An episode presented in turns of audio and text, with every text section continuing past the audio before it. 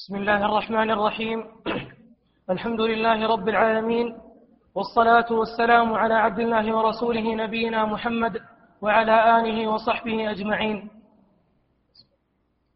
قال نخبة من العلماء حفظهم الله تعالى ورعاهم بكتاب أصول الإيمان في ضوء الكتاب والسنة. الفصل الثالث الإيمان بالرسل ويحتوي على أحد عشر مبحثا. المبحث الأول حكم الإيمان بالرسل وأدلته. المبحث الثاني تعريف النبي والرسول والفرق بينهما.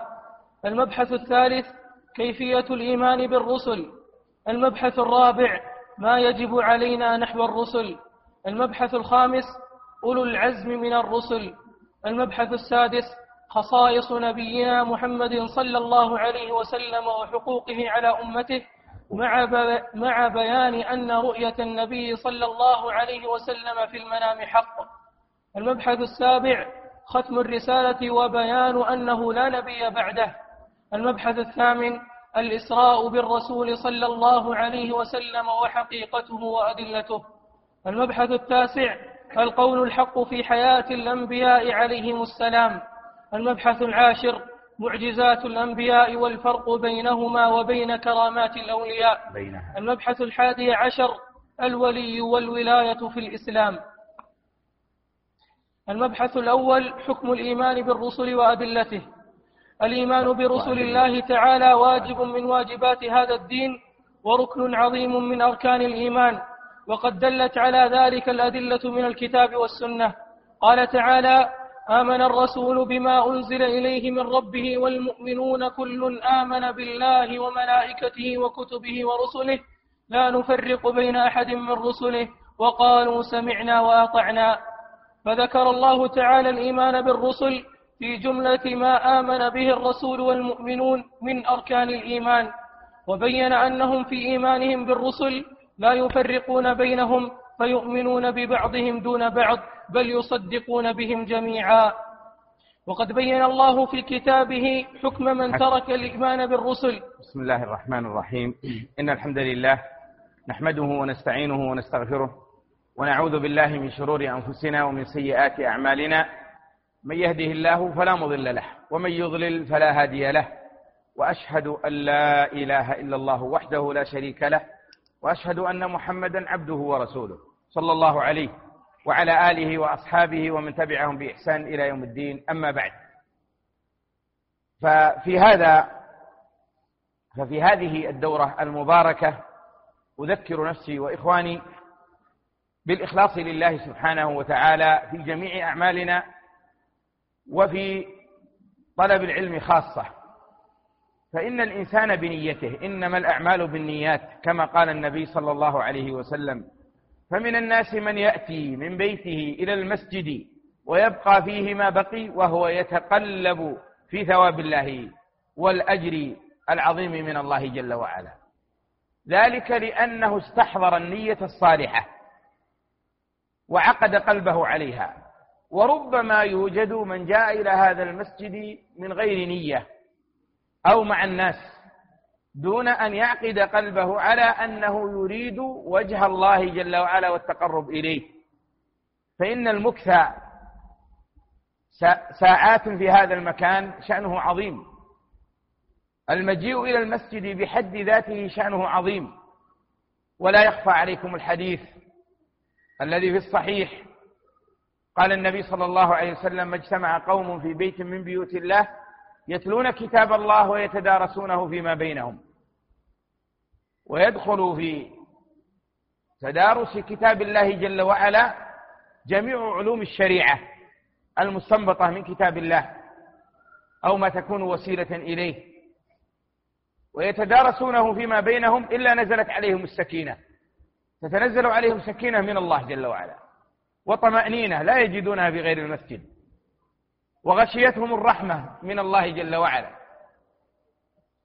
وحفتهم الملائكة دنت منهم وقربت رضا بما يطلبون كما جاء في الحديث الآخر. وإن الملائكة لتضع أجنحتها لطالب العلم رضا بما يطلب. وذكرهم الله في من عنده ذكرهم الله في من عنده في الملأ الأعلى. والذي يذكرهم هو الله جل وعلا. فيا له من فضل عظيم. ولكن من احتسب وأخلص وأراد به وجه الله جل وعلا. وثبت في الحديث الآخر عند الطبراني في الكبير بسند حسن صحيح كما يقول الشيخ الألباني رحمه الله في صحيح الترغيب من حديث أبي أمامة رضي الله عنه قال النبي صلى الله عليه وسلم من غدا إلى المسجد من غدا إلى المسجد لا يأتيه إلا ليتعلم خيرا أو يعلمه. كان له أجر حاج أو كان كأجر حاج تاما حجه. من جاء إلى المسجد أي مسجد؟ مسجد النبي صلى الله عليه وسلم له فضل خاص. لكن أي مسجد في الدنيا؟ من جاء إلى المسجد. لم يأته إلا ليتعلم خيرا أو يعلمه. فضل الله على المتعلم والمعلم. كان له كأجر حاج تاما حجه والحاج تعرفون كم يتكلف من التعب والجهد والمشقة والوقوف بالمناسك أيضا قد تم حجه وكمل. فينبغي للمسلم أن يحتسب ذلك عند الله جل وعلا. وفي الحديث الآخر في البخاري وغيره أن النبي صلى الله عليه وسلم أخبر أن لله ملائكة فضلاء سياحين يطوفون في الأرض. فإذا مروا بحلق الذكر قالوا وجدتم بغيتكم فهلموا فيجلسون معهم مع طلاب العلم يجلسون معهم فإذا فرغوا صعدوا إلى الله جل وعلا فإذا جاءوا إلى الله جل وعلا سألهم كيف وجدتم عبادي فذكر الحديث وفيه يقول الله جل وعلا أشهدكم بأني قد غفرت لهم. فيقولون يا ربنا عبدك فلان إنما جاء لحاجة. في رواية مسلم فلان عبد خطاء. فيقول وله قد غفرت. هم القوم لا يشقى بهم جليسهم. يا أيها الإخوة الكرام نحن أحوج ما نكون إلى إصلاح قلوبنا. وأعظم ما يصلح القلوب هو العلم الشرعي. هو قال الله قال رسوله صلى الله عليه وسلم. فهذا هو الذي يجب أن تنفق فيه المهج وأن يصبر ويصابر عليه العبد حتى ينال رفعة الدنيا وثواب الآخرة. لا يقصد ثواب الدنيا ورفعتها لكن يرفع الله الذين آمنوا منكم والذين أوتوا العلم درجات. فالحاصل أن هذا من أجل الأعمال ومن أعظم الأعمال. وإن كان هذا يتطلب منا جميعا ما تعلمناه أن نعلمه. فكثير من طلابنا وإخواننا فيهم جد واجتهاد في تحصيل العلم. زادهم الله من فضله. إلا أنه ربما ترى عليهم تقصيرا وتفريطا في باب تبليغ العلم وإيصاله للناس. إذا علمت فعلم. فلا بد أن يقوم الجميع بنشر دين الله جل وعلا. كل حسب استطاعته. حتى ينتفع ينفع وينتفع وينتفع الناس به أيضا. فإن الناس كما تلاحظون كم تعاني وأنت طالب علم متخصص العلم كم تعاني من المشقة والجهد في طلب العلم. وكم تجد من من الكسل ومن تخذيل الشيطان وما إلى ذلك؟ هذا وأنت طالب علم فما بالك بعامة الناس الذين لا يدركون ما أدركت فينبغي أن تصل إليهم في مساجدهم وفي مجالسهم وأن تبلغ دين الله جل وعلا. فإن هذا العمل هو عمل الأنبياء. قل هذه سبيلي أدعو إلى الله على بصيرة أنا ومن اتبعني. وسبحان الله وما أنا من المشركين. فعلم تعلم وعلم حتى ينفعك الله عز وجل وينفع بك. هذه مقدمة بين يدي كلامنا على المبحث الذي أسند إلينا وهو مبحث الإيمان بالرسل. في ضمن كتاب ماتع نافع في أصول الإيمان في ضوء الكتاب والسنة لجمع من المشايخ وهم شيخنا الشيخ صالح بن سعد السحيمي وفضيلة أخينا الشيخ إبراهيم الرحيلي وفضيلة أخينا الشيخ عبد الرزاق العباد. وراجعه شيخنا الشيخ علي ناصر فقيه وبعض أهل العلم فهو كتاب قيم وتكلموا فيه على الأصول المهمة التي لا بد للمسلم أن يعلمها وأن يتعلمها. لا يعذر أحد بالجهل في هذه الأصول من حيث الجملة. وكان نصيبنا فيما يتعلق بالإيمان بالرسل. وقد سمعتم ما تلاه أخونا القارئ الشيخ عبد القادر حول المباحث التي فيه. وهي في أحد عشر مبحثا. المبحث الأول حكم الإيمان بالرسل وأدلته. بين المؤلفون حفظهم الله أن الإيمان بالرسل واجب من واجبات الدين وركن من أركان الإيمان. لا يتم ولا يقوم دينك إلا به. لا يقوم دين العبد إلا به. لأن الله جل وعلا يقول في كتابه آمن الرسول بما أنزل إليه والمؤمنون كل آمن الرسول بما أنزل إليه من ربه والمؤمنون كل آمن بالله وملائكته وكتبه ورسله.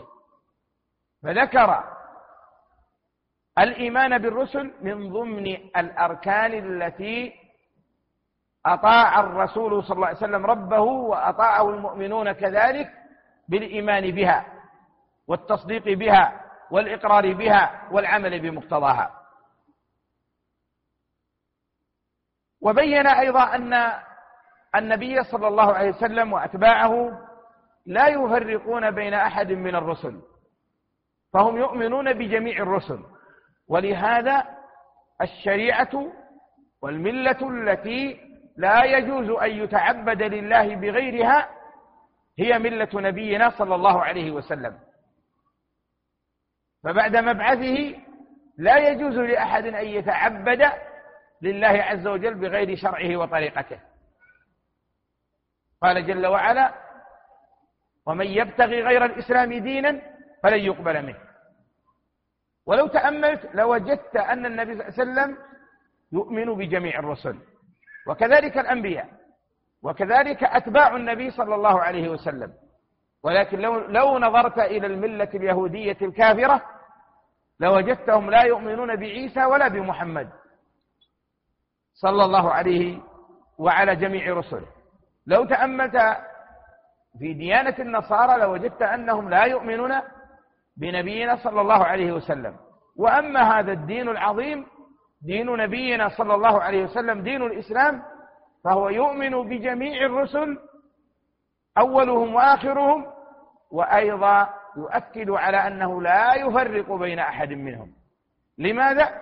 لأنه من كفر بنبي واحد فقد كفر بجميع الرسل. لو أنه آمن بجميع الرسل ولكنه كفر بنبينا صلى الله عليه وسلم فهو كافر.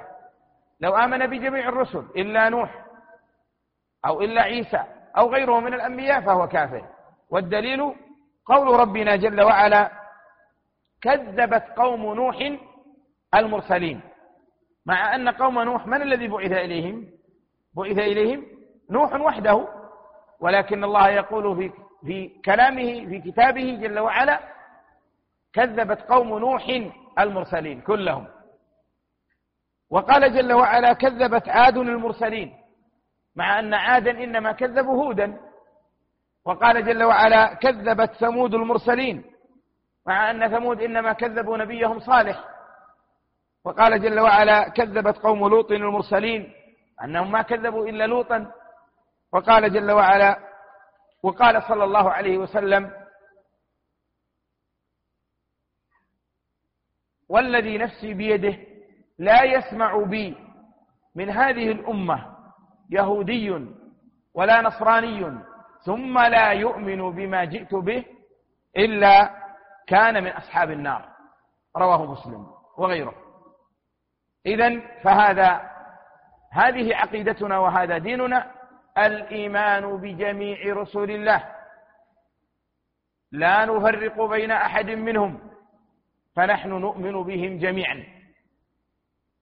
وكما أثنى الله جل وعلا على من آمن بالرسل فقد كفر من كفر بالرسل أو كفر ببعضهم.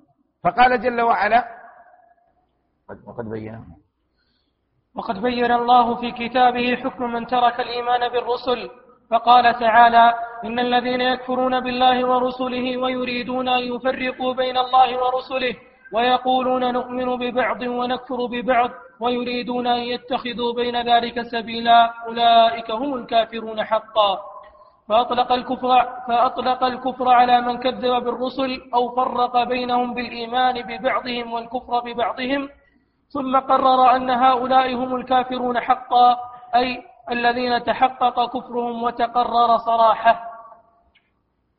كما بين الله في مقابل ذلك في السياق نفسه ما عليه أهل الإيمان من ذلك فقال والذين آمنوا بالله ورسله ولم يفرقوا بين أحد منهم أولئك سوف يؤتيهم أجورهم وكان الله غفورا رحيما.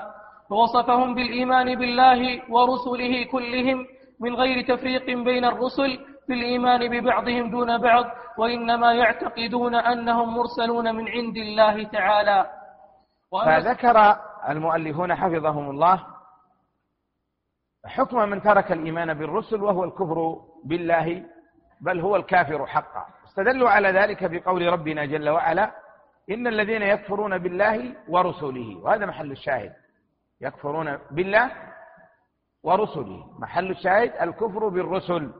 إن الذين يكفرون بالله ورسله ويريدون أن يفرقوا بين الله ورسله ويقولون نؤمن ببعض ونكفر ببعض ويريدون أن يتخذوا بين ذلك سبيلا أولئك هم الكافرون حقا.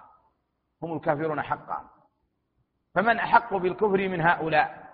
فمن كفر بالرسل أو بواحد منهم فهو الكافر حقا الذي لا مرية ولا شك فيه. ثم أثنى الله جل وعلا بعد ذلك على المؤمنين الذين يؤمنون بالرسل. وهذا دليل على أن الإيمان بالرسل من الأعمال الصالحة التي يرفع الله درجتك درجتك بها في الآخرة. من الإيمان الذي تثاب عليه. فذكروا قول الله جل وعلا والذين آمنوا بالله ورسله ولم يفرقوا بين أحد منهم أولئك سوف يؤتيهم أجورهم وكان الله غفورا رحيما. سوف يؤتيهم أجورهم جزاء إيمانهم وتصديقهم بالرسل وعدم تفريقهم بين رسل الله وكذلك بما قاموا به من بقية خصال الإيمان. نعم.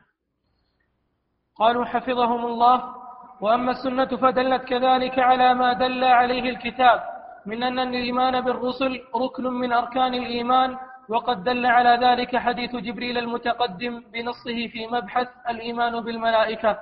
وفيه أن النبي صلى الله عليه وسلم أجاب لما سأله جبريل عليه السلام عن الإيمان فقال أن تؤمن بالله وملائكته وكتبه ورسله واليوم الآخر. الحديث.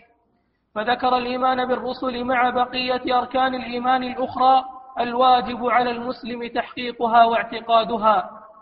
وفي دعاء النبي صلى الله عليه وسلم في التهجد عند قيام الليل أنه كان يقول اللهم لك, اللهم لك الحمد أنت نور السماوات والأرض ولك الحمد أنت قيم السماوات والأرض ولك الحمد أنت رب السماوات والأرض ومن فيهن أنت الحق ووعدك الحق وقولك الحق ولقاؤك الحق والجنة حق والنار حق والنبيون حق والساعة حق.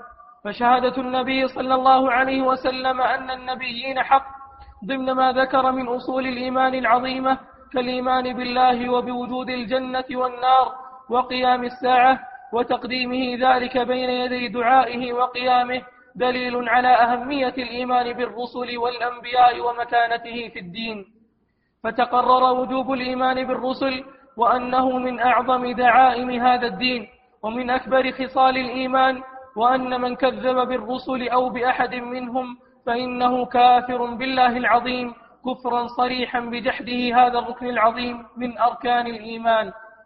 ثم ذكروا ما يدل على وجوب الإيمان بالرسل من السنة فذكروا حديث جبريل في صحيح مسلم وفيه أنه جاء رجل إلى النبي صلى الله عليه وسلم يقول عمر ونحن جاء رجل إلى النبي صلى الله عليه وسلم ونحن جلوس عنده شديد بياض الثياب شديد سواد الشعر لا يرى عليه أثر السفر ولا يعرفه منا أحد.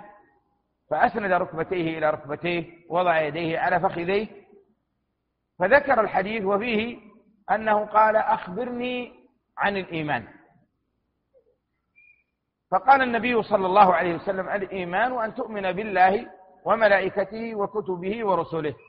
فذكر من بين الأركان أركان الإيمان الإيمان بالرسل. فهذا يدل عليه من السنة وكذلك يدل عليه دعاء النبي صلى الله عليه وسلم في صحيح البخاري أنه كان يقوم حينما يقوم يتهجد في قيام الليل لأن قيام الليل ورد في استفتاحه آه، أكثر من صيغة عن النبي صلى الله عليه وسلم والإتيان مرة بهذه ومرة بهذه الصيغة ومرة بهذه الصيغة هو الأكمل في حق المسلم هو الأكمل في اتباع النبي صلى الله عليه وسلم. فكان من ذلك هذا الحديث العظيم اللهم لك الحمد أنت نور السماوات نور السماوات والأرض ولك الحمد أنت قيم السماوات والأرض ولك الحمد أنت رب السماوات والأرض ومن فيهن. أنت الحق ووعدك الحق وقولك الحق ولقاؤك حق والجنة حق والنار حق والنبيون حق. وهذا هو محل الشاهد. النبيون حق. يجب الإيمان بهم اعتقاد أنهم أنبياء ورسل من عند الله جل وعلا. فهذه هذان الدليلان من السنة يدلان على ما دلت عليه الآيات التي أو الآية دل عليه الآيتان قبلها. فتقرر أن الإيمان بالرسل من آه، أركان الدين ومن أعظم دعائم هذا الدين التي لا يقوم إيمان المرء إلا بها. نعم. ثمرات الإيمان بالرسل. إذا تحقق الإيمان بالرسل ترك آثاره الطيبة وثماره اليانعة على المؤمن. فمن ذلك أولا العلم برحمة الله تعالى وعنايته بخلقه حيث أرسل إليهم أولئك الرسل الكرام للهداية والإرشاد. ثانيا شكر الله على هذه النعمة الكبرى. ثالثا محبة الرسل وتوقيرهم والثناء عليهم بما يليق بهم لأنهم رسل الله تعالى وخلاصة عبيده ولما قاموا به من تبليغ رسالة الله لخلقه وكمال نصحهم لأقوامهم وصبرهم على أذاهم. إذا هذه ثمرات الإيمان بالرسل. إذا آمنت بالرسل أثمر ذلك عندك ثمرات منها. أولا العلم برحمة الله. فاعلم أن الله جل وعلا رحيم بعباده. وأنه قد اعتنى بأمرهم وشأنهم. ومن ذلك أنه أرسل إليهم رسلا يدلونهم على الصراط المستقيم ويهدونهم إلى صراط العزيز الحميد. فهو الرحمن الرحيم سبحانه وتعالى. ما تركنا هملا هكذا لكن أرسل إلينا رسلا. من أطاعهم دخل الجنة ومن عصاهم دخل النار. ومن ثمرات هذا الإيمان أن تشكر الله جل وعلا على على نعمة الرسل. نعمة عظيمة. نعمة عظيمة. جاءوا بالهدى والنور. جاءوا بالحق. جاءوا ببيان الشريعة. جاءوا ليخرجوا الناس من الظلمات إلى النور بإذن ربهم. ولهذا يقول جل وعلا ممتنا على عباده ولقد بعثنا في كل أمة رسولا. قال شيخ الإسلام المجدد محمد بن عبد الوهاب رحمه الله في كتاب التوحيد عند كلامه على هذا الحديث قال فيه بيان أن الرسالة قد عمت كل أمة. رسلا مبشرين ومنذرين لئلا يكون للناس على الله حجة بعد الرسل. وهذا من تمام عدل الله جل وعلا. وأيضا من ثمراته محبة الرسل محبة دعاة الخير. وأعظم دعاة الحق هم الأنبياء والرسل. وهم أحق الناس بالمحبة. ومحبتهم إيمان. وبغضهم نفاق وشر.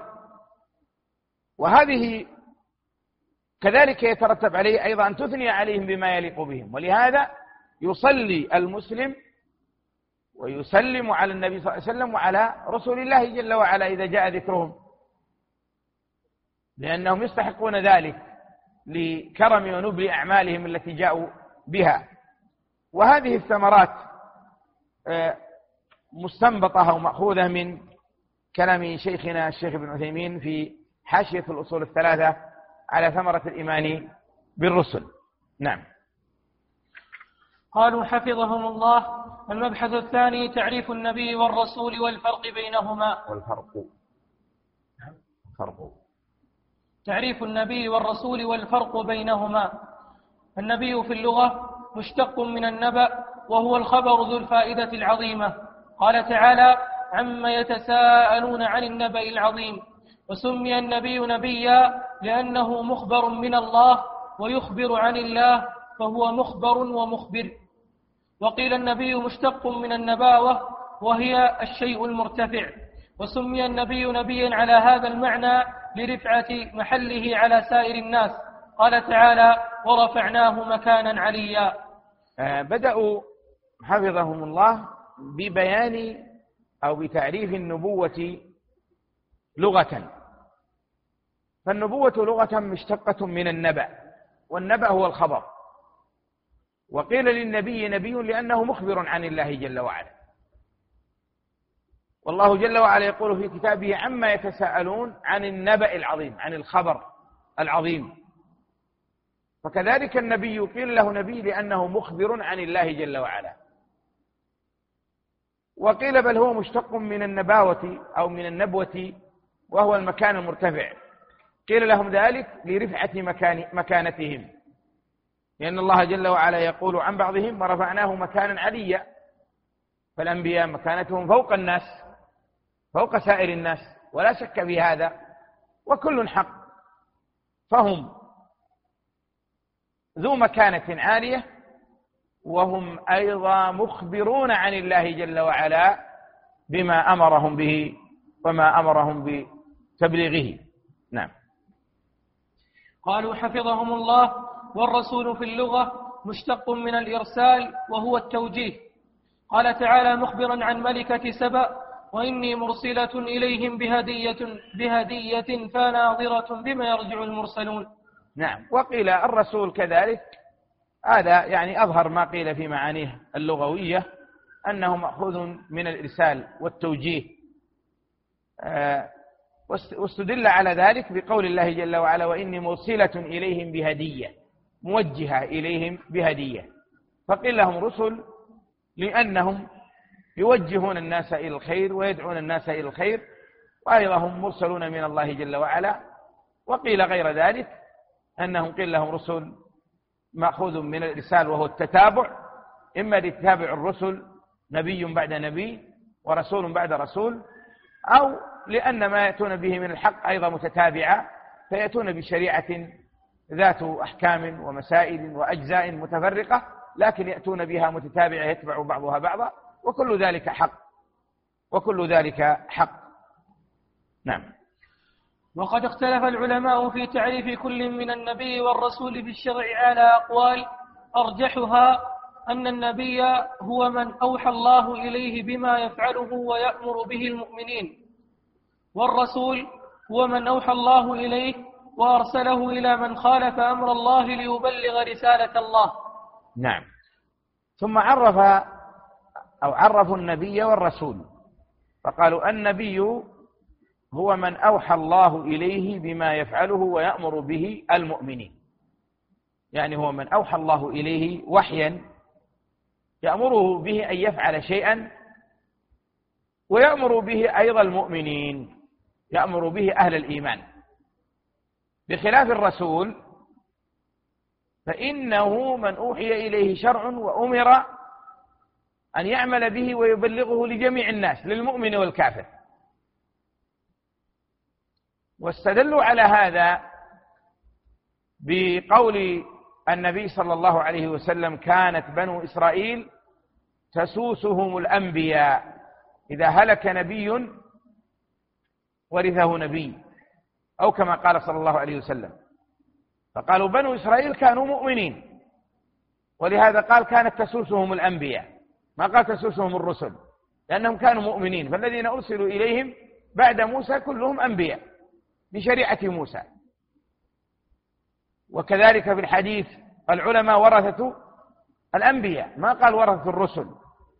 لأنهم يعملون بشريعة الأنبياء وبما جاءت به الأنبياء لا يأتون بشيء من عنده. وهذا التعريف منتزع من كلام شيخ الإسلام ابن تيمية رحمه الله في كتاب النبوات فإن هذا حاصل كلامه. وعرف بتعاريف أخرى منها ما ينسب للجمهور وقد قال به صاحب الطحاوية وغيره أن النبي هو أن الرسول نعم أن الرسول هو من أوحي إليه شرع وأمر بتبليغه. والنبي من أوحي إليه شرع ولم يؤمر بتبليغه. هكذا قالوا وقالوا وهذا قول الجمهور. لكن ينبه هنا يا أخوان أن أن مسألة التعريف هنا مسألة اجتهادية. مسألة اجتهادية. ما فيها نص بحيث أن نخطئ من خالف. لكننا ننظر بين الأقوال الواردة وننتقي منها ما نراه راجحا وتدل عليه النصوص من حيث الجملة. وهذا القول فيه نظر. وهذا القول فيه نظر لأنه يعارض القرآن. يقولون هو النبي من أوحي إليه بشريعة بشرع ولم يؤمر بتبليغه. أين هم من قول الله جل وعلا؟ وما وما أرسلنا من رسول ولا نبي إلا إذا تمنى ألقى الشيطان في أمنيته. الله أخبر أنه أرسل الرسول وأرسل الأنبياء أيضا. فهم مرسلون. وحكى عن جمع من أنبيائه. كذلك فهذا القول فيه نظر بين. القول الثالث يقول النبي هو من أوحى الله إليه شريعة الرسول. الرسول من أوحى الله إليه شريعة وأمره بتبليغها. من أوحى الله إليه شريعة وأمره بتبليغها. والنبي من أمره الله بتبليغ شريعة نبي قبله. والنبي من أمره الله بتبليغ شريعة نبي قبله. إذا الفرق بين النبي والرسول على القول الثالث بأن الرسول يستقل بشريعة. يستقل بها. وأما النبي فإنه يأمر الناس ويدعوهم بشريعة نبي قبله. كأنبياء بني إسرائيل. كافة موسى كهارون كغيرهم من أنبياء بني إسرائيل الذين جاءوا بالتوراة. فكانوا يأمرون الناس بالتوراة وبما جاء في التوراة. ويتلخص عندنا في الحقيقة في المسألة يعني أقواهما قولان. القول الأول الذي ذكره المشائخ والقول الثالث وأما القول الثاني فضعيف. والقول الثالث فيه ضعف أيضا لأنه كأنه يفهم منه أن النبي لا يمكن أن يوحي الله عز وجل إليه بشيء من الشرع لم يوحي إلى من قبله. هذا غير صحيح.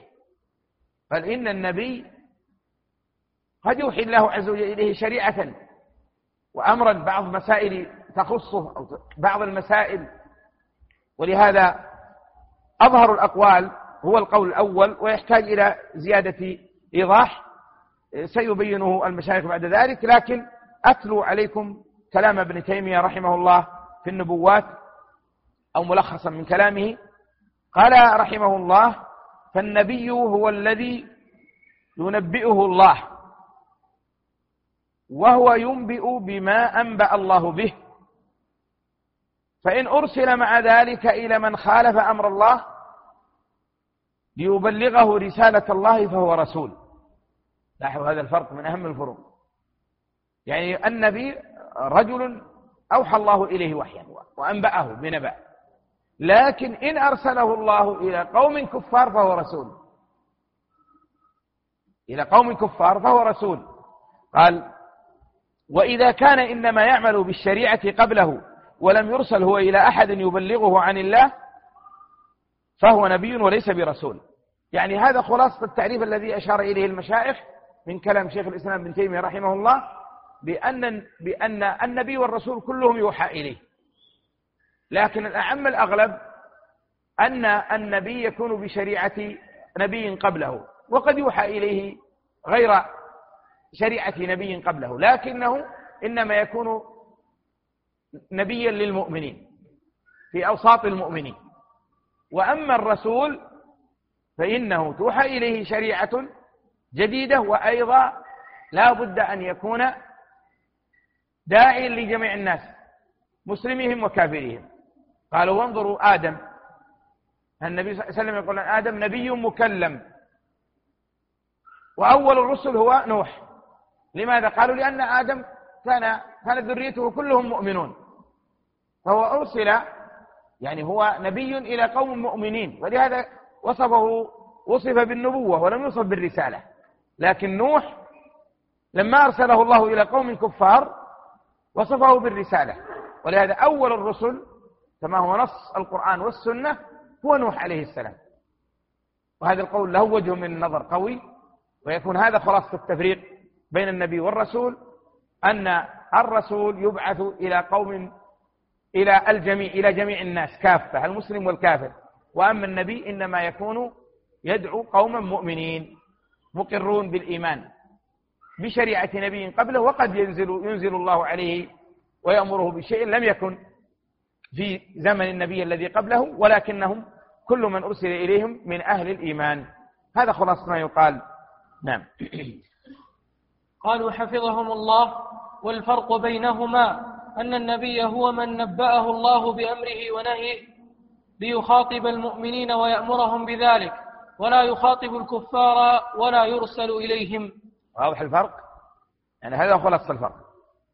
النبي من نبأه الله بأمره ونهيه ليخاطب المؤمنين ويأمرهم بذلك ولا يخاطب الكفار ولا يرسل إليهم. نعم. وأما الرسول فهو من أرسل إلى الكفار والمؤمنين ليبلغهم رسالة الله ويدعوهم إلى عبادته. وليس من شرط الرسول أن يأتي بشريعة جديدة. فقد كان يوسف على ملة إبراهيم وداود وسليمان كانا على شريعة التوراة وكلهم رسل.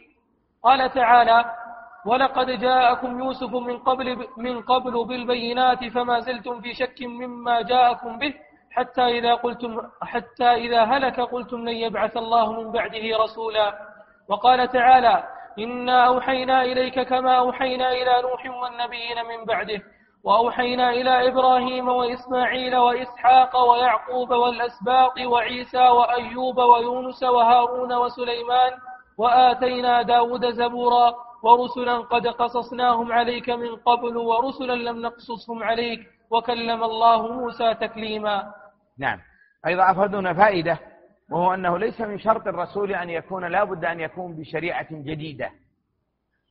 بل قد يكون رسولا وهو بشريعة نبي قبله كما كان في يوسف عليه السلام. فإن الله وصفه بالرسالة وهو كان يدعوهم إلى دين إبراهيم.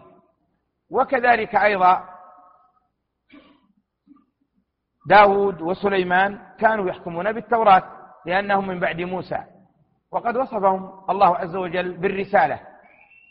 فهذه الحقيقة يعني محترزات وقيود دقيقة جدا ومفيدة لأن المشتهر عند الناس عموما تعريف التعريف العام وهو أن النبي كل من الرسول كل من يعني أمر بشريعة أوحي إليه وأمر بتبليغ شريعة مستقلة. لا لا يلزم. قد تكون شريعة نبي قبله ونذكر هنا فائدة أن الله عز وجل ذكر جملة من الأنبياء ثم قال ورسلا قد قصصناهم عليك عليك من قبل ورسلا لم نقصصهم عليك. وقد جاء في حديث رواه الإمام أحمد وغيره بسند حسنه الشيخ الألباني في المشكات. الحديث أبي ذر وفيه أن أبا ذر سأل النبي صلى الله عليه وسلم عن الأنبياء. كم عدد الأنبياء؟ فقال مئة وأربعة وعشرون ألف نبي. قال كم عدد الأنبياء؟ قال مئة وأربعة وعشرون ألفا قال كم عدد الرسل؟ قال جم غفير ثلاثمائة وبضعة عشر. في بعض الروايات 315 نبي. هذا واضح الدليل على التفريق بين الأنبياء والرسل. فالأنبياء عددهم 124 ألف نبي. وأما الرسل فعددهم 315 رسولا. نعم. قالوا حفظهم الله وقد يطلق على النبي أنه رسول كما قال تعالى وما أرسلنا من قبلك من رسول ولا نبي إلا إذا تمنى ألقى الشيطان في أمنيته فذكر الله عز وجل أنه يرسل النبي والرسول وبيان ذلك أن الله تعالى إذا أمر النبي بدعوة المؤمنين إلى أمر فهو مرسل من الله إليهم لكن هذا الإرسال مقيد. وأما الإرسال المطلق فهو بإرسال الرسل إلى عامة الخلق من الكفار والمؤمنين. نعم أيضا هذا جواب عن إشكال قد يرد على السامع. فقال إن النبي يقال أنه رسول باعتبار. لكنه يقال أنه رسول مرسل باعتبار مقيد. لكن إطلاق الرسول إنما يراد به الرسول بالمعنى أو الاصطلاح الذي مر معنا. لكن حتى النبي رسول من جهة أنه أرسل إلى المؤمنين. وإن كان الإرسال العام صفة الإرسال هذه خاصة بالرسل الإرسال إلى جميع الخلق أو إلى المسلمين والكفار. واستدل على ذلك بقول الله جل وعلا وما أرسلنا من قبلك من رسول ولا نبي. فأخبر أنه أرسل النبي أيضا إلا إذا تمنى ألقى الشيطان في أمنيته.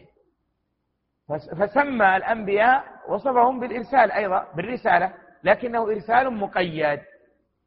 دعوتهم للمؤمنين. وأما الرسل فإنهم إرسالهم مطلق غير مقيد بالمؤمنين. بل هو للمؤمنين وللكافرين. نعم. قالوا حفظهم الله المبحث الثالث كيفية الإيمان بالرسل. الإيمان بالرسل هو اعتقاد ما أخبر الله به عنهم في كتابه وأخبر به النبي صلى الله عليه وسلم في سنته إجمالا وتفصيلا. فالإيمان المجمل إذا هذا كيفية الاعتقاد. كيفية الإيمان بالرسل؟ هو اعتقاد تعتقد وتدين وتصدق وتقر بكل ما أخبر الله به عنهم عن الرسل في كتابه أو أخبر به النبي صلى الله عليه وسلم في السنة الصحيحة. تؤمن به وتقر به وتعتقده ما تحكم عقلك كما يفعل بعض المتفلتين من السنة الذي يجعل عقله ميزانا للحق. فإذا جاءه الخبر الذي لا يستسيغه عقله لضعف عقله ونقص عقله رد الخبر وقال لا يليق هذا. كما قال بعضهم يرد حديثا في البخاري الحديث الذي فيه أن موسى لطم ملك الموت. يرده ولا يصدقه. لا وجوب الإيمان أن تقر وتصدق بكل ما ثبت كل ما جاء في القرآن أو ثبت في السنة الصحيحة. تقول هو حق وتؤمن به وتعتقده. وإن كان قد يقع في نفسك أحيانا بعض الأشياء لضعفك أنت لا لأن ذلك ليس هو الحق. فلا بد من الاستسلام والإيمان وأن يقول المؤمن سمعنا وأطعنا. ثم بدأوا بالتفصيل نعم. فالإيمان المجمل هو التصديق الجازم بأن الله تعالى بعث في كل أمة رسولا يدعوهم إلى عبادة الله وحده لا شريك له والكفر بما يعبد من دون الله. قال تعالى ولقد بعثنا في كل أمة رسولا أن اعبدوا الله واجتنبوا الطاغوت وبأنهم جميعهم صادقون بارون راشدون كرام بررة أتقياء أمنا هداة مهتدون. قال تعالى هذا ما وعد هذا ما وعد الرحمن وصدق المرسلون. وقال تعالى بعد أن ذكر طائفة كبيرة من الأنبياء والرسل ومن آبائهم وذرياتهم وإخوانهم واجتبيناهم وهديناهم إلى صراط مستقيم. ذلك هدى الله يهدي به من يشاء من عباده. نعم. بدأوا بذكر جملة من الأمور التي يجب الإيمان بها إجمالا. لابد عن جملة الأنبياء. أولها أن الله قد بعث في كل أمة رسولا. يدعو إلى التوحيد ويحذر من الشرك. وأن الأنبياء كلهم بررة هداة مهتدون. هذا الأمر الأول. ثم ذكر الأمر الثاني فقال وبأنهم؟ وبأنهم كلهم كانوا على الحق المبين والهدى المستبين. جاءوا بالبينات من ربهم إلى أقوامهم. قال تعالى حكاية عن أهل الجنة لقد جاءت رسل ربنا بالحق. وقال تعالى لقد أرسلنا رسلنا بالبينات وأنزلنا معهم الكتاب والميزان ليقوم الناس بالقسط. هذا الأمر الثاني. الأمر الأول أن الله قد بعث في كل أمة رسولا يدعوهم إلى التوحيد ويحذرهم من الشرك. الأمر الثاني الذي يجب الإيمان به أنهم أن الأنبياء كلهم أو جميعهم كانوا على الحق. على الحق والهدى. وجاءوا بالحق من عند الله جل وعلا. لا بد أن نعتقد هذا. ومنها نعم. وبأن أصل دعوتهم واحدة وهي الدعوة إلى توحيد الله. وأما شرائعهم فمختلفة. قال تعالى وما أرسلنا من قبلك من رسول إلا نوحي إليه أنه لا إله إلا أنا فاعبدون. وقال عز وجل لكل جعلنا منكم شرعة ومنهاجا. نعم وهذا الأمر الثالث الذي يجب أن نؤمن به من حيث الجملة. أن أصل دعوة الأنبياء واحد وهو الدعوة إلى التوحيد. فالملة واحدة ملتهم التوحيد دعوتهم. وأما الشرائع فمختلفة. شرائع شريعة التي فيها بيان الأحكام التي يختص بها الناس غير عبادة الله. ما يصلح الناس ما يتعلق بالناس معاملات الناس كل له شريعة. وأما أصل دينهم فواحد كلهم يدعون إلى التوحيد. ولهذا إذا دعوت إلى التوحيد فإنك تدعو إلى ما اتفق عليه جميع الأنبياء. ولهذا كان هو أهم المهمات وأوجب الواجبات. والدعوة إليه ألزم ما يكون وأفضل ما يكون وأعظم ما يكون وأنفع ما يكون للناس وللعباد والبلاد. نعم. ومن الأمور التي يجب الإيمان بها بحق الأنبياء؟ نعم. وبأنهم قد بلغوا جميع ما أرسلوا به البلاغ المبين فقامت بذلك الحجة على الخلق قال تعالى ليعلم أن قد أبلغوا رسالات ربهم وأحاط بما لديهم وأحصى كل شيء عددا. وقال تعالى رسلا مبشرين ومنذرين لئلا يكون للناس على الله حجة بعد الرسل. نعم أيضا ما يجب هذه الجملة أن نعتقده وندين وندين الله به أن الرسل قد بلغوا جميع ما أرسلوا به البلاغ المبين. ما كتموا شيئا منه. بلغوه جميعا. كما يدل عليه ظاهر القرآن. نعم. ومن ذلك ويجب الإيمان بأن الرسل بشر مخلوقون. ليس لهم من خصائص الربوبية شيء وإنما هم عباد أكرمهم الله بالرسالة. قال تعالى قالت لهم رسلهم إن نحن إلا بشر مثلكم ولكن الله يمن على من يشاء من عباده. وقال تعالى عن نوح ولا أقول لكم عندي خزائن الله ولا أعلم الغيب ولا أقول إني ملك. وقال عز وجل آمرا نبينا محمدا صلى الله عليه وسلم أن يقول لقومه قل لا أقول لكم عندي خزائن الله ولا أعلم الغيب ولا أقول لكم إني ملك إن أتبع إلا ما يوحى إلي. نعم وهذا مما يجب أن يعتقد في الأنبياء بأن بأنهم بشر. وأنهم مخلوقون وليس لهم من صفات الربوبية والألوهية شيء ولكن الله اختصهم واصطفاهم على سائر الخلق. ولهذا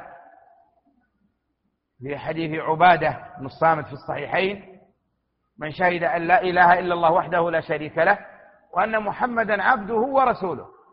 تأمل عبده فهو عبد لا يعبد ولكن ليس كسائر العبيد بل ممن اختصهم الله بالرسالة. فهم من حيث البشرية هم بشر. لا يغلى بهم ولا يزاد بهم. ولكن ليسوا كسائر البشر من حيث ما اختصهم الله به من النبوة والرسالة. فيجب أن يعتقد فيهم ذلك أنهم بشر يأكلون ويشربون. من حيث البشرية هم بشر لكن اصطفاهم الله بالرسالة ولا يعني اصطفاؤهم بالرسالة أن يصرف لهم شيء من حق الله جل وعلا أو يغلى فيهم كما سيأتي إن شاء الله مفصلا فيما يتعلق بالنبي صلى الله عليه وسلم. نعم. ومما يجب اعتقاده أيضا في حق الرسل أنهم منصورون مؤيدون من الله وأن العاقبة لهم ولأتباعهم. قال تعالى إنا لننصر رسلنا والذين آمنوا في الحياة الدنيا ويوم يقوم الأشهاد. هذا مما يجب أن نؤمن به من حيث الجملة. أن الله سبحانه وتعالى ناصر الرسل وقد نصر رسله وهم وأتباعهم منصورون. وهذا كما نعتقده في حق الأنبياء نعتقده كذلك في حق الأتباع. الذي يتبع النبي صلى الله عليه وسلم في جميع أموره يبشر بالنصر والتمكين.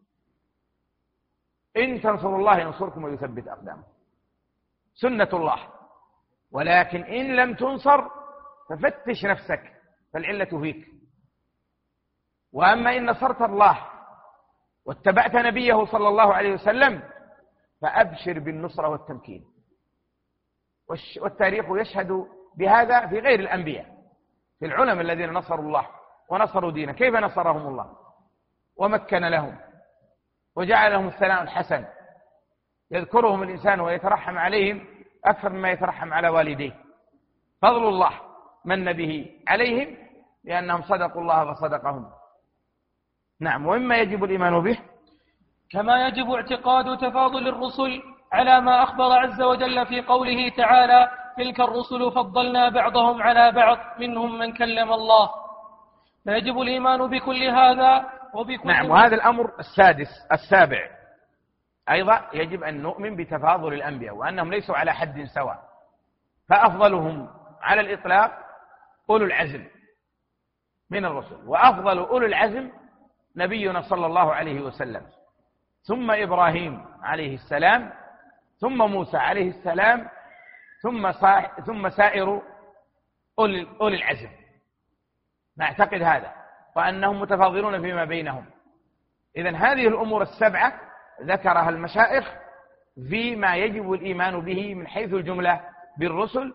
فيجب أن نؤمن هذا الإيمان إجمالا وهو أن الله قد بعث في كل أمة الرسول يدعوهم إلى التوحيد ويحذرهم من الشرك وإلى أن الأنبياء كلهم على الحق المبين وإلى أن أصل دعوتهم واحدة وهو الدعوة إلى التوحيد وإن كانت الشرائع مختلفة. وأنهم قد بلغوا جميع ما أرسلوا به ولم يتركوا شيئا منه وأنهم من البشر بشر مخلوقون كسائر البشر إلا أن الله اختصهم بالرسالة وبأن أنهم منصورون وأن الله قد نصرهم وأيدهم وكذلك بأن الله قد فضل, فضل أو فاضل بينهم وهم ليسوا على درجة سواء فمنهم من هو الأفضل ومنهم من هو دونه وإن كانوا جميعا ممن اصطفاهم الله وفضلهم على العالمين. نعم. فيجب الإيمان بكل هذا وبكل ما جاء في الكتاب والسنة عن الرسل على وجه العموم إيمانا مجملا. وهنا أيضا في فائدة أضافوها في هذا هذا المقدار. قالوا وبكل فيجب الإيمان بكل هذا وهي الأمور السبعة التي أشرنا إليها. وبكل ما جاء في الكتاب والسنة. لا بد. وبكل ما جاء في الكتاب والسنة عن الرسل على وجه العموم. إيمانا مجملا. ثم بدأوا, بدأوا بالتفصيل. نعم. وأما الإيمان المفصل فيكون بالإيمان بمن سمى الله تعالى في كتابه والنبي صلى الله عليه وسلم في سنته منهم إيمانا مفصلا على نحو ما جاءت به النصوص من, من ذكر أسمائهم وأخبارهم وفضائلهم وخصائصهم. نعم. يعني هذا الإيمان المفصل أن الله سمى أنبياء بأسمائهم. سمى نوحا وآدم وإبراهيم ونبينا صلى الله عليه وسلم وعيسى وموسى وغيرهم. فهؤلاء نؤمن بهم إيمانا مفصلا. وأيضا بكل ما ورد من أخبارهم وما جرى بينهم وبين أممهم كل ذلك نؤمن به على التفصيل بأن نوحا فعل كذا وأن محمد صلى الله عليه وسلم فعل كذا وأن إبراهيم عليه السلام فعل كذا. هذا إيمان تفصيلي لأن الله فصل ذلك وذكره لنا. نعم. والمذكورون في القرآن من الأنبياء والرسل خمسة وعشرون ورد ذكر ثمانية عشر منهم في قوله تعالى وتلك حجتنا آتيناها إبراهيم على قومه نرفع درجات من نشاء إن ربك حكيم عليم.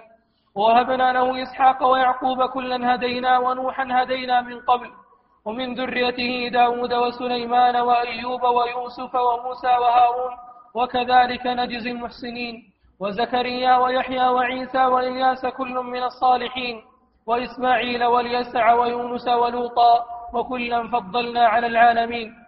نعم أفادنا المشايخ حفظهم الله أن عدد من ذكر الله أسماءهم في القرآن خمسة وعشرون نبيا خمسة وعشرين نبيا.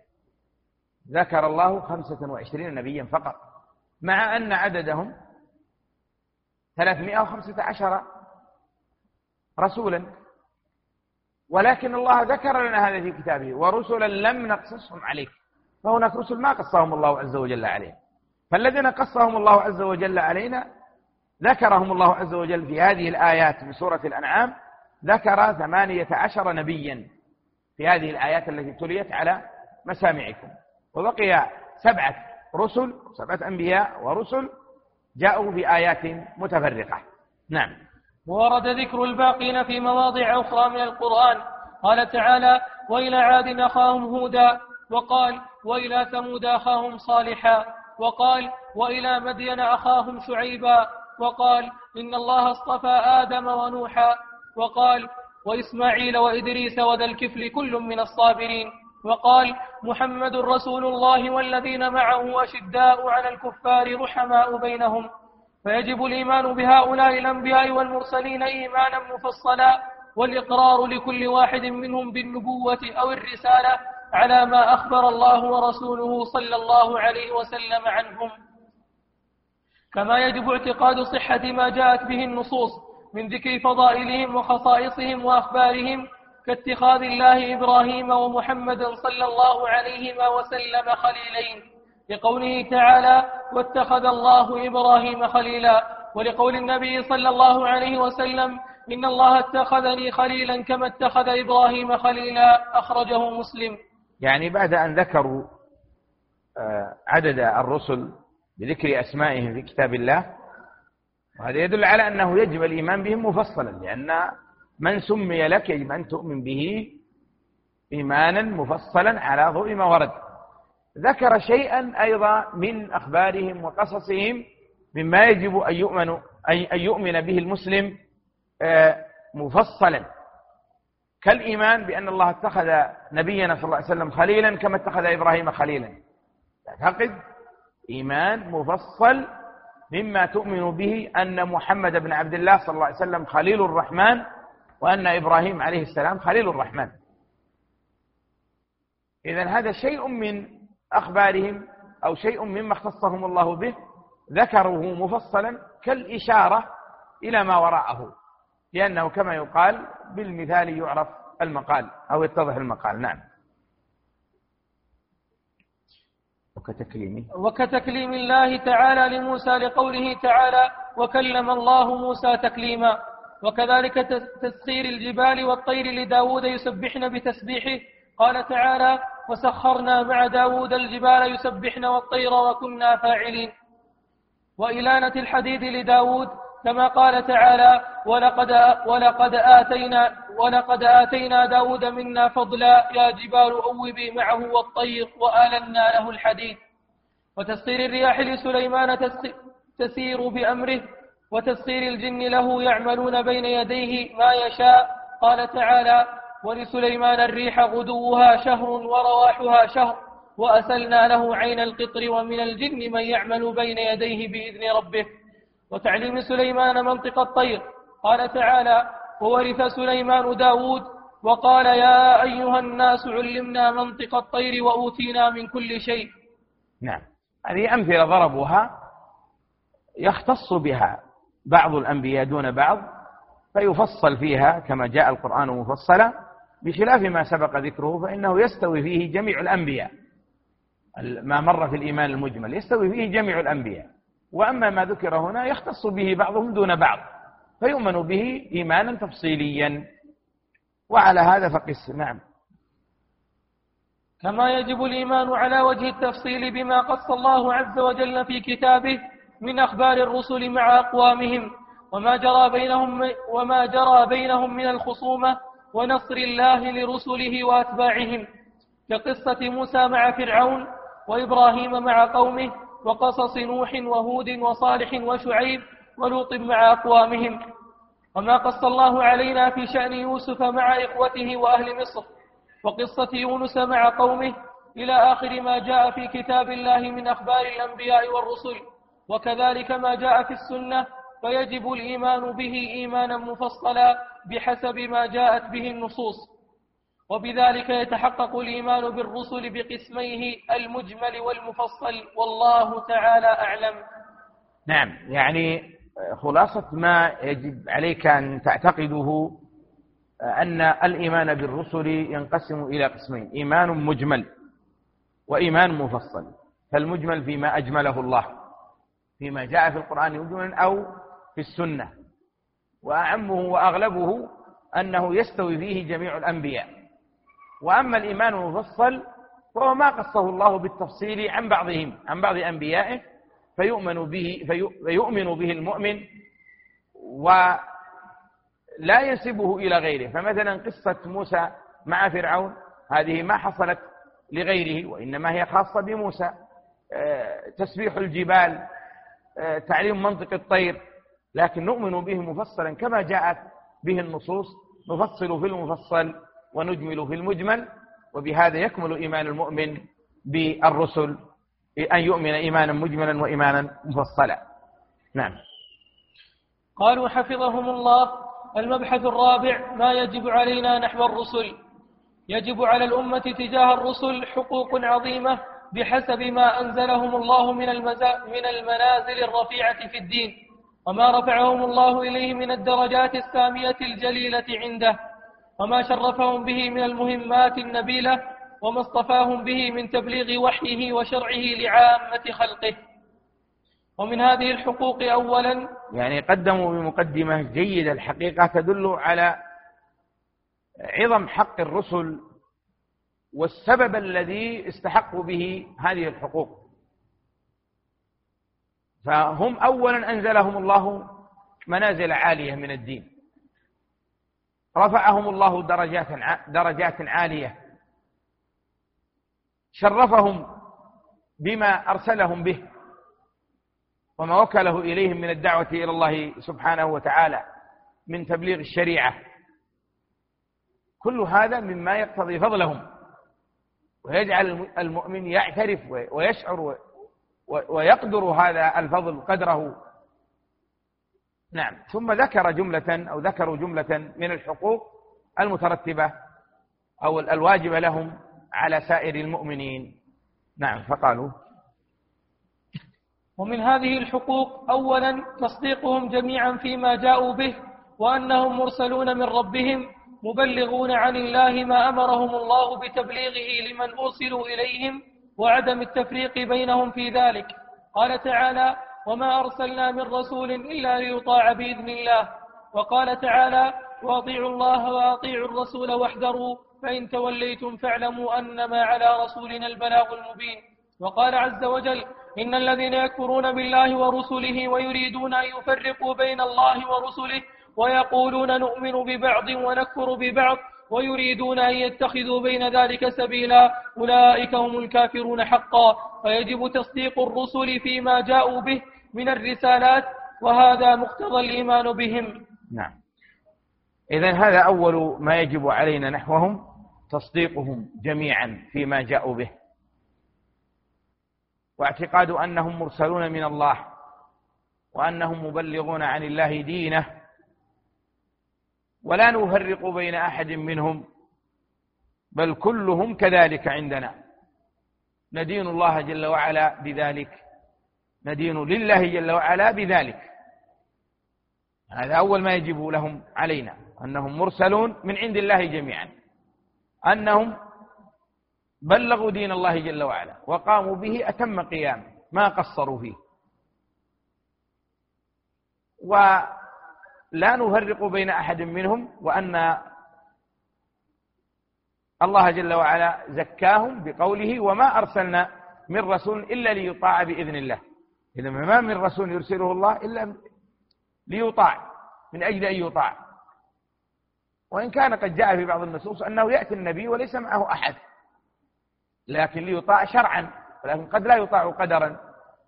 لأن هناك فرق بين الشرع والقدر.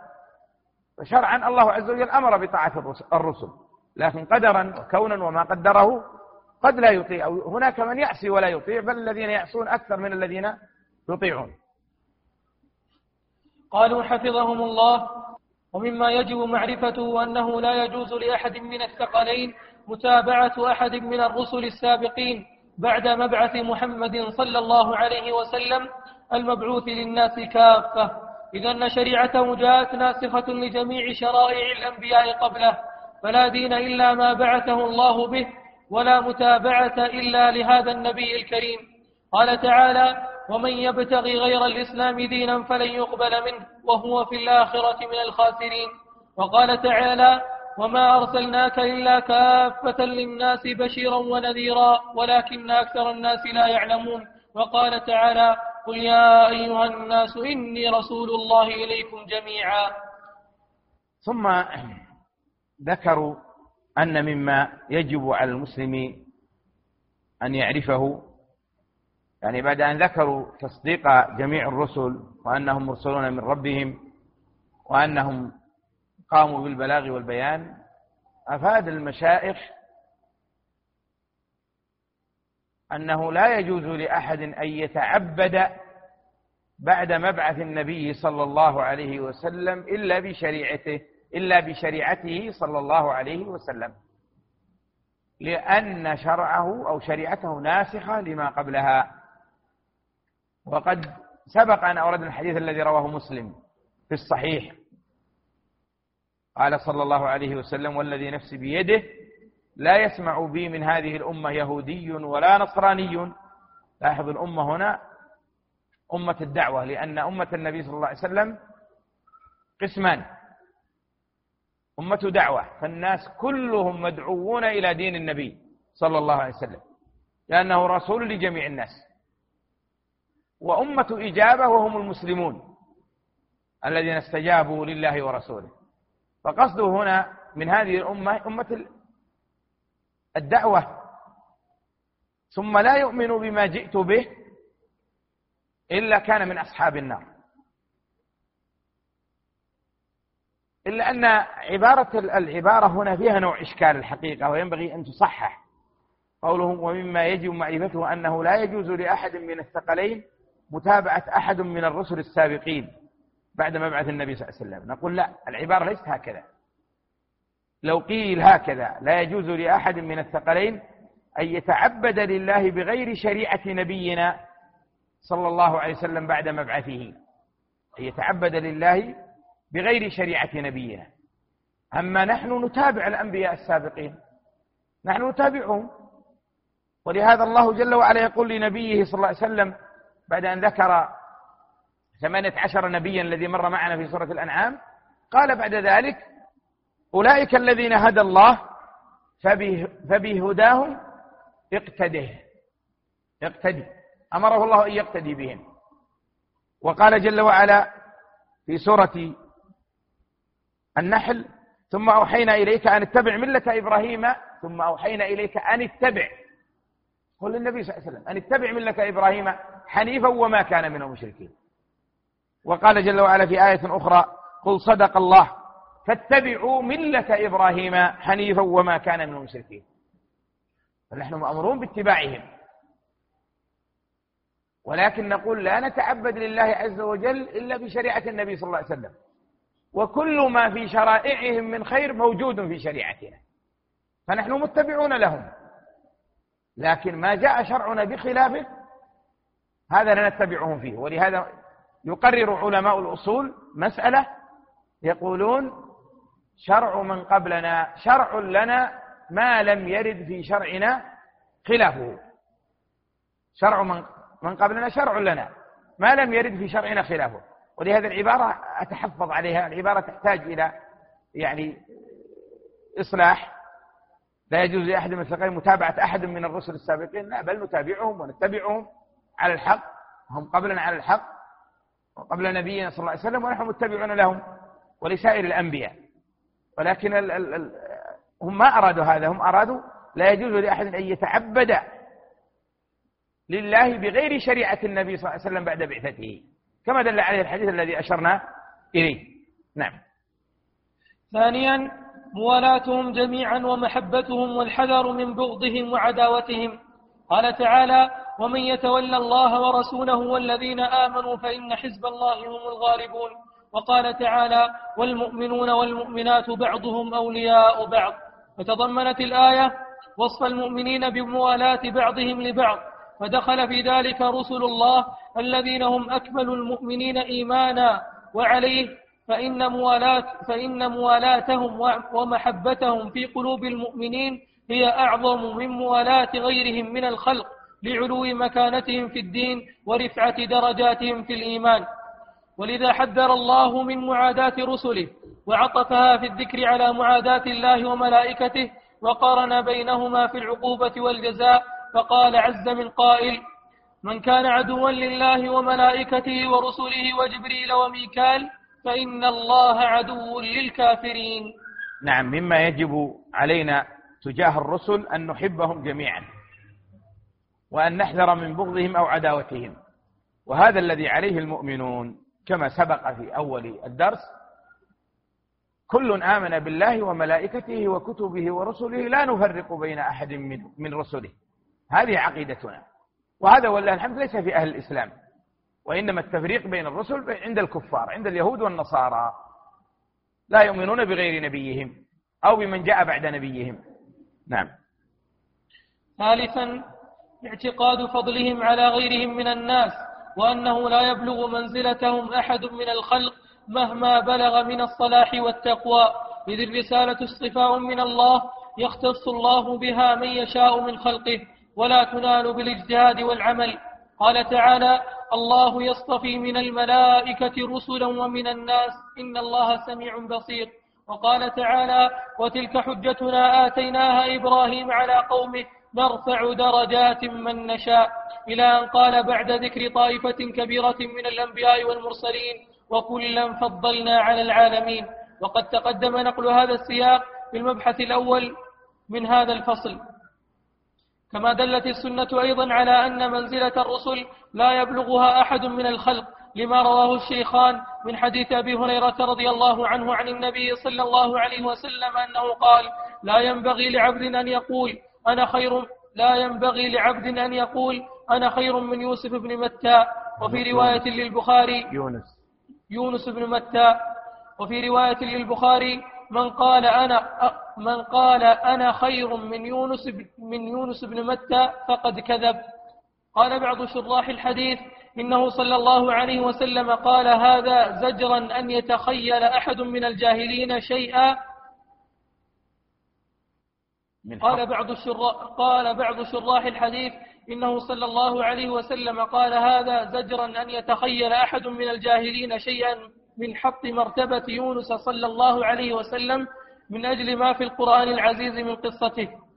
وبين العلماء أن ما جرى ليونس صلى الله عليه وسلم لم يحطه من النبوة مثقال ذرة وخص يونس بالذكر لما, لما ذكر الله في قصته في القرآن الكريم كقوله تعالى وذنون إذ ذكر مغاضبا الذهب وذنون إذ ذهب مغاضبا فظن أن لن نقدر عليه فنادى في الظلمات أن لا إله إلا أنت سبحانك إني كنت من الظالمين. فاستجبنا له ونجيناه من الغم وكذلك ننجي المؤمنين. وقوله تعالى وإن يونس لمن المرسلين. الآيات. أيضا مما يجب للرسل علينا أن نعتقد فضلهم على غيرهم من الناس وأنه لا يبلغ منزلتهم أحد من الناس لا من العلماء ولا من الأولياء ولا من غيرهم. فإنهم ممن اختصهم الله وشرفهم وفضلهم ولكن ذلك لا يعني أن نغلو بهم أو أن نصرف لهم شيئا من حق الله جل وعلا. ولكن لا نغلو ولا نجفو. وكما قدمنا أن النبي صلى الله عليه وسلم قال من شهد أن لا إله إلا الله وأن محمدا عبد الله ورسوله. وقال مثل ذلك في عيسى بن مريم وأن, وأن عيسى عبد الله ورسوله. وكلمته ألقاها إلى مريم. ففيه رد على طائفتين على الغلاة والجفاة فهناك من يجهو في حق الأنبياء فنبرأ إلى الله منهم. وهناك من يغلو في حق الأنبياء ويعطيهم ما ليس لهم مما, مما يختص الله به فنبرأ إلى الله من ذلك. وإنما هم بشر ورسل أرسلهم الله ولكن ليسوا كسائر البشر بل ممن اختصهم الله بالرسالة. وأما ما جاء عن, عن يونس ابن متى فإنه كما قال أهل العلم قد فعل ما يلام عليه لكن لا يعني ذلك القدح فيه أو الغض من نبوته ورسالته بل يجب على المسلم أن يحذر أن يقع في نفسه شيء من ذلك بل هو رسول من رسول الله. له فضله وشرفه وما وقع منه فإنه قد تاب منه.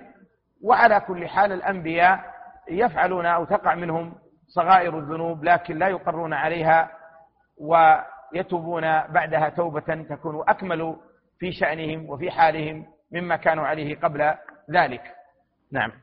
قالوا حفظهم الله رابعا اعتقاد تفاضلهم فيما بينهم وأنهم ليسوا في درجة واحدة بل فضل الله بعضهم على بعض.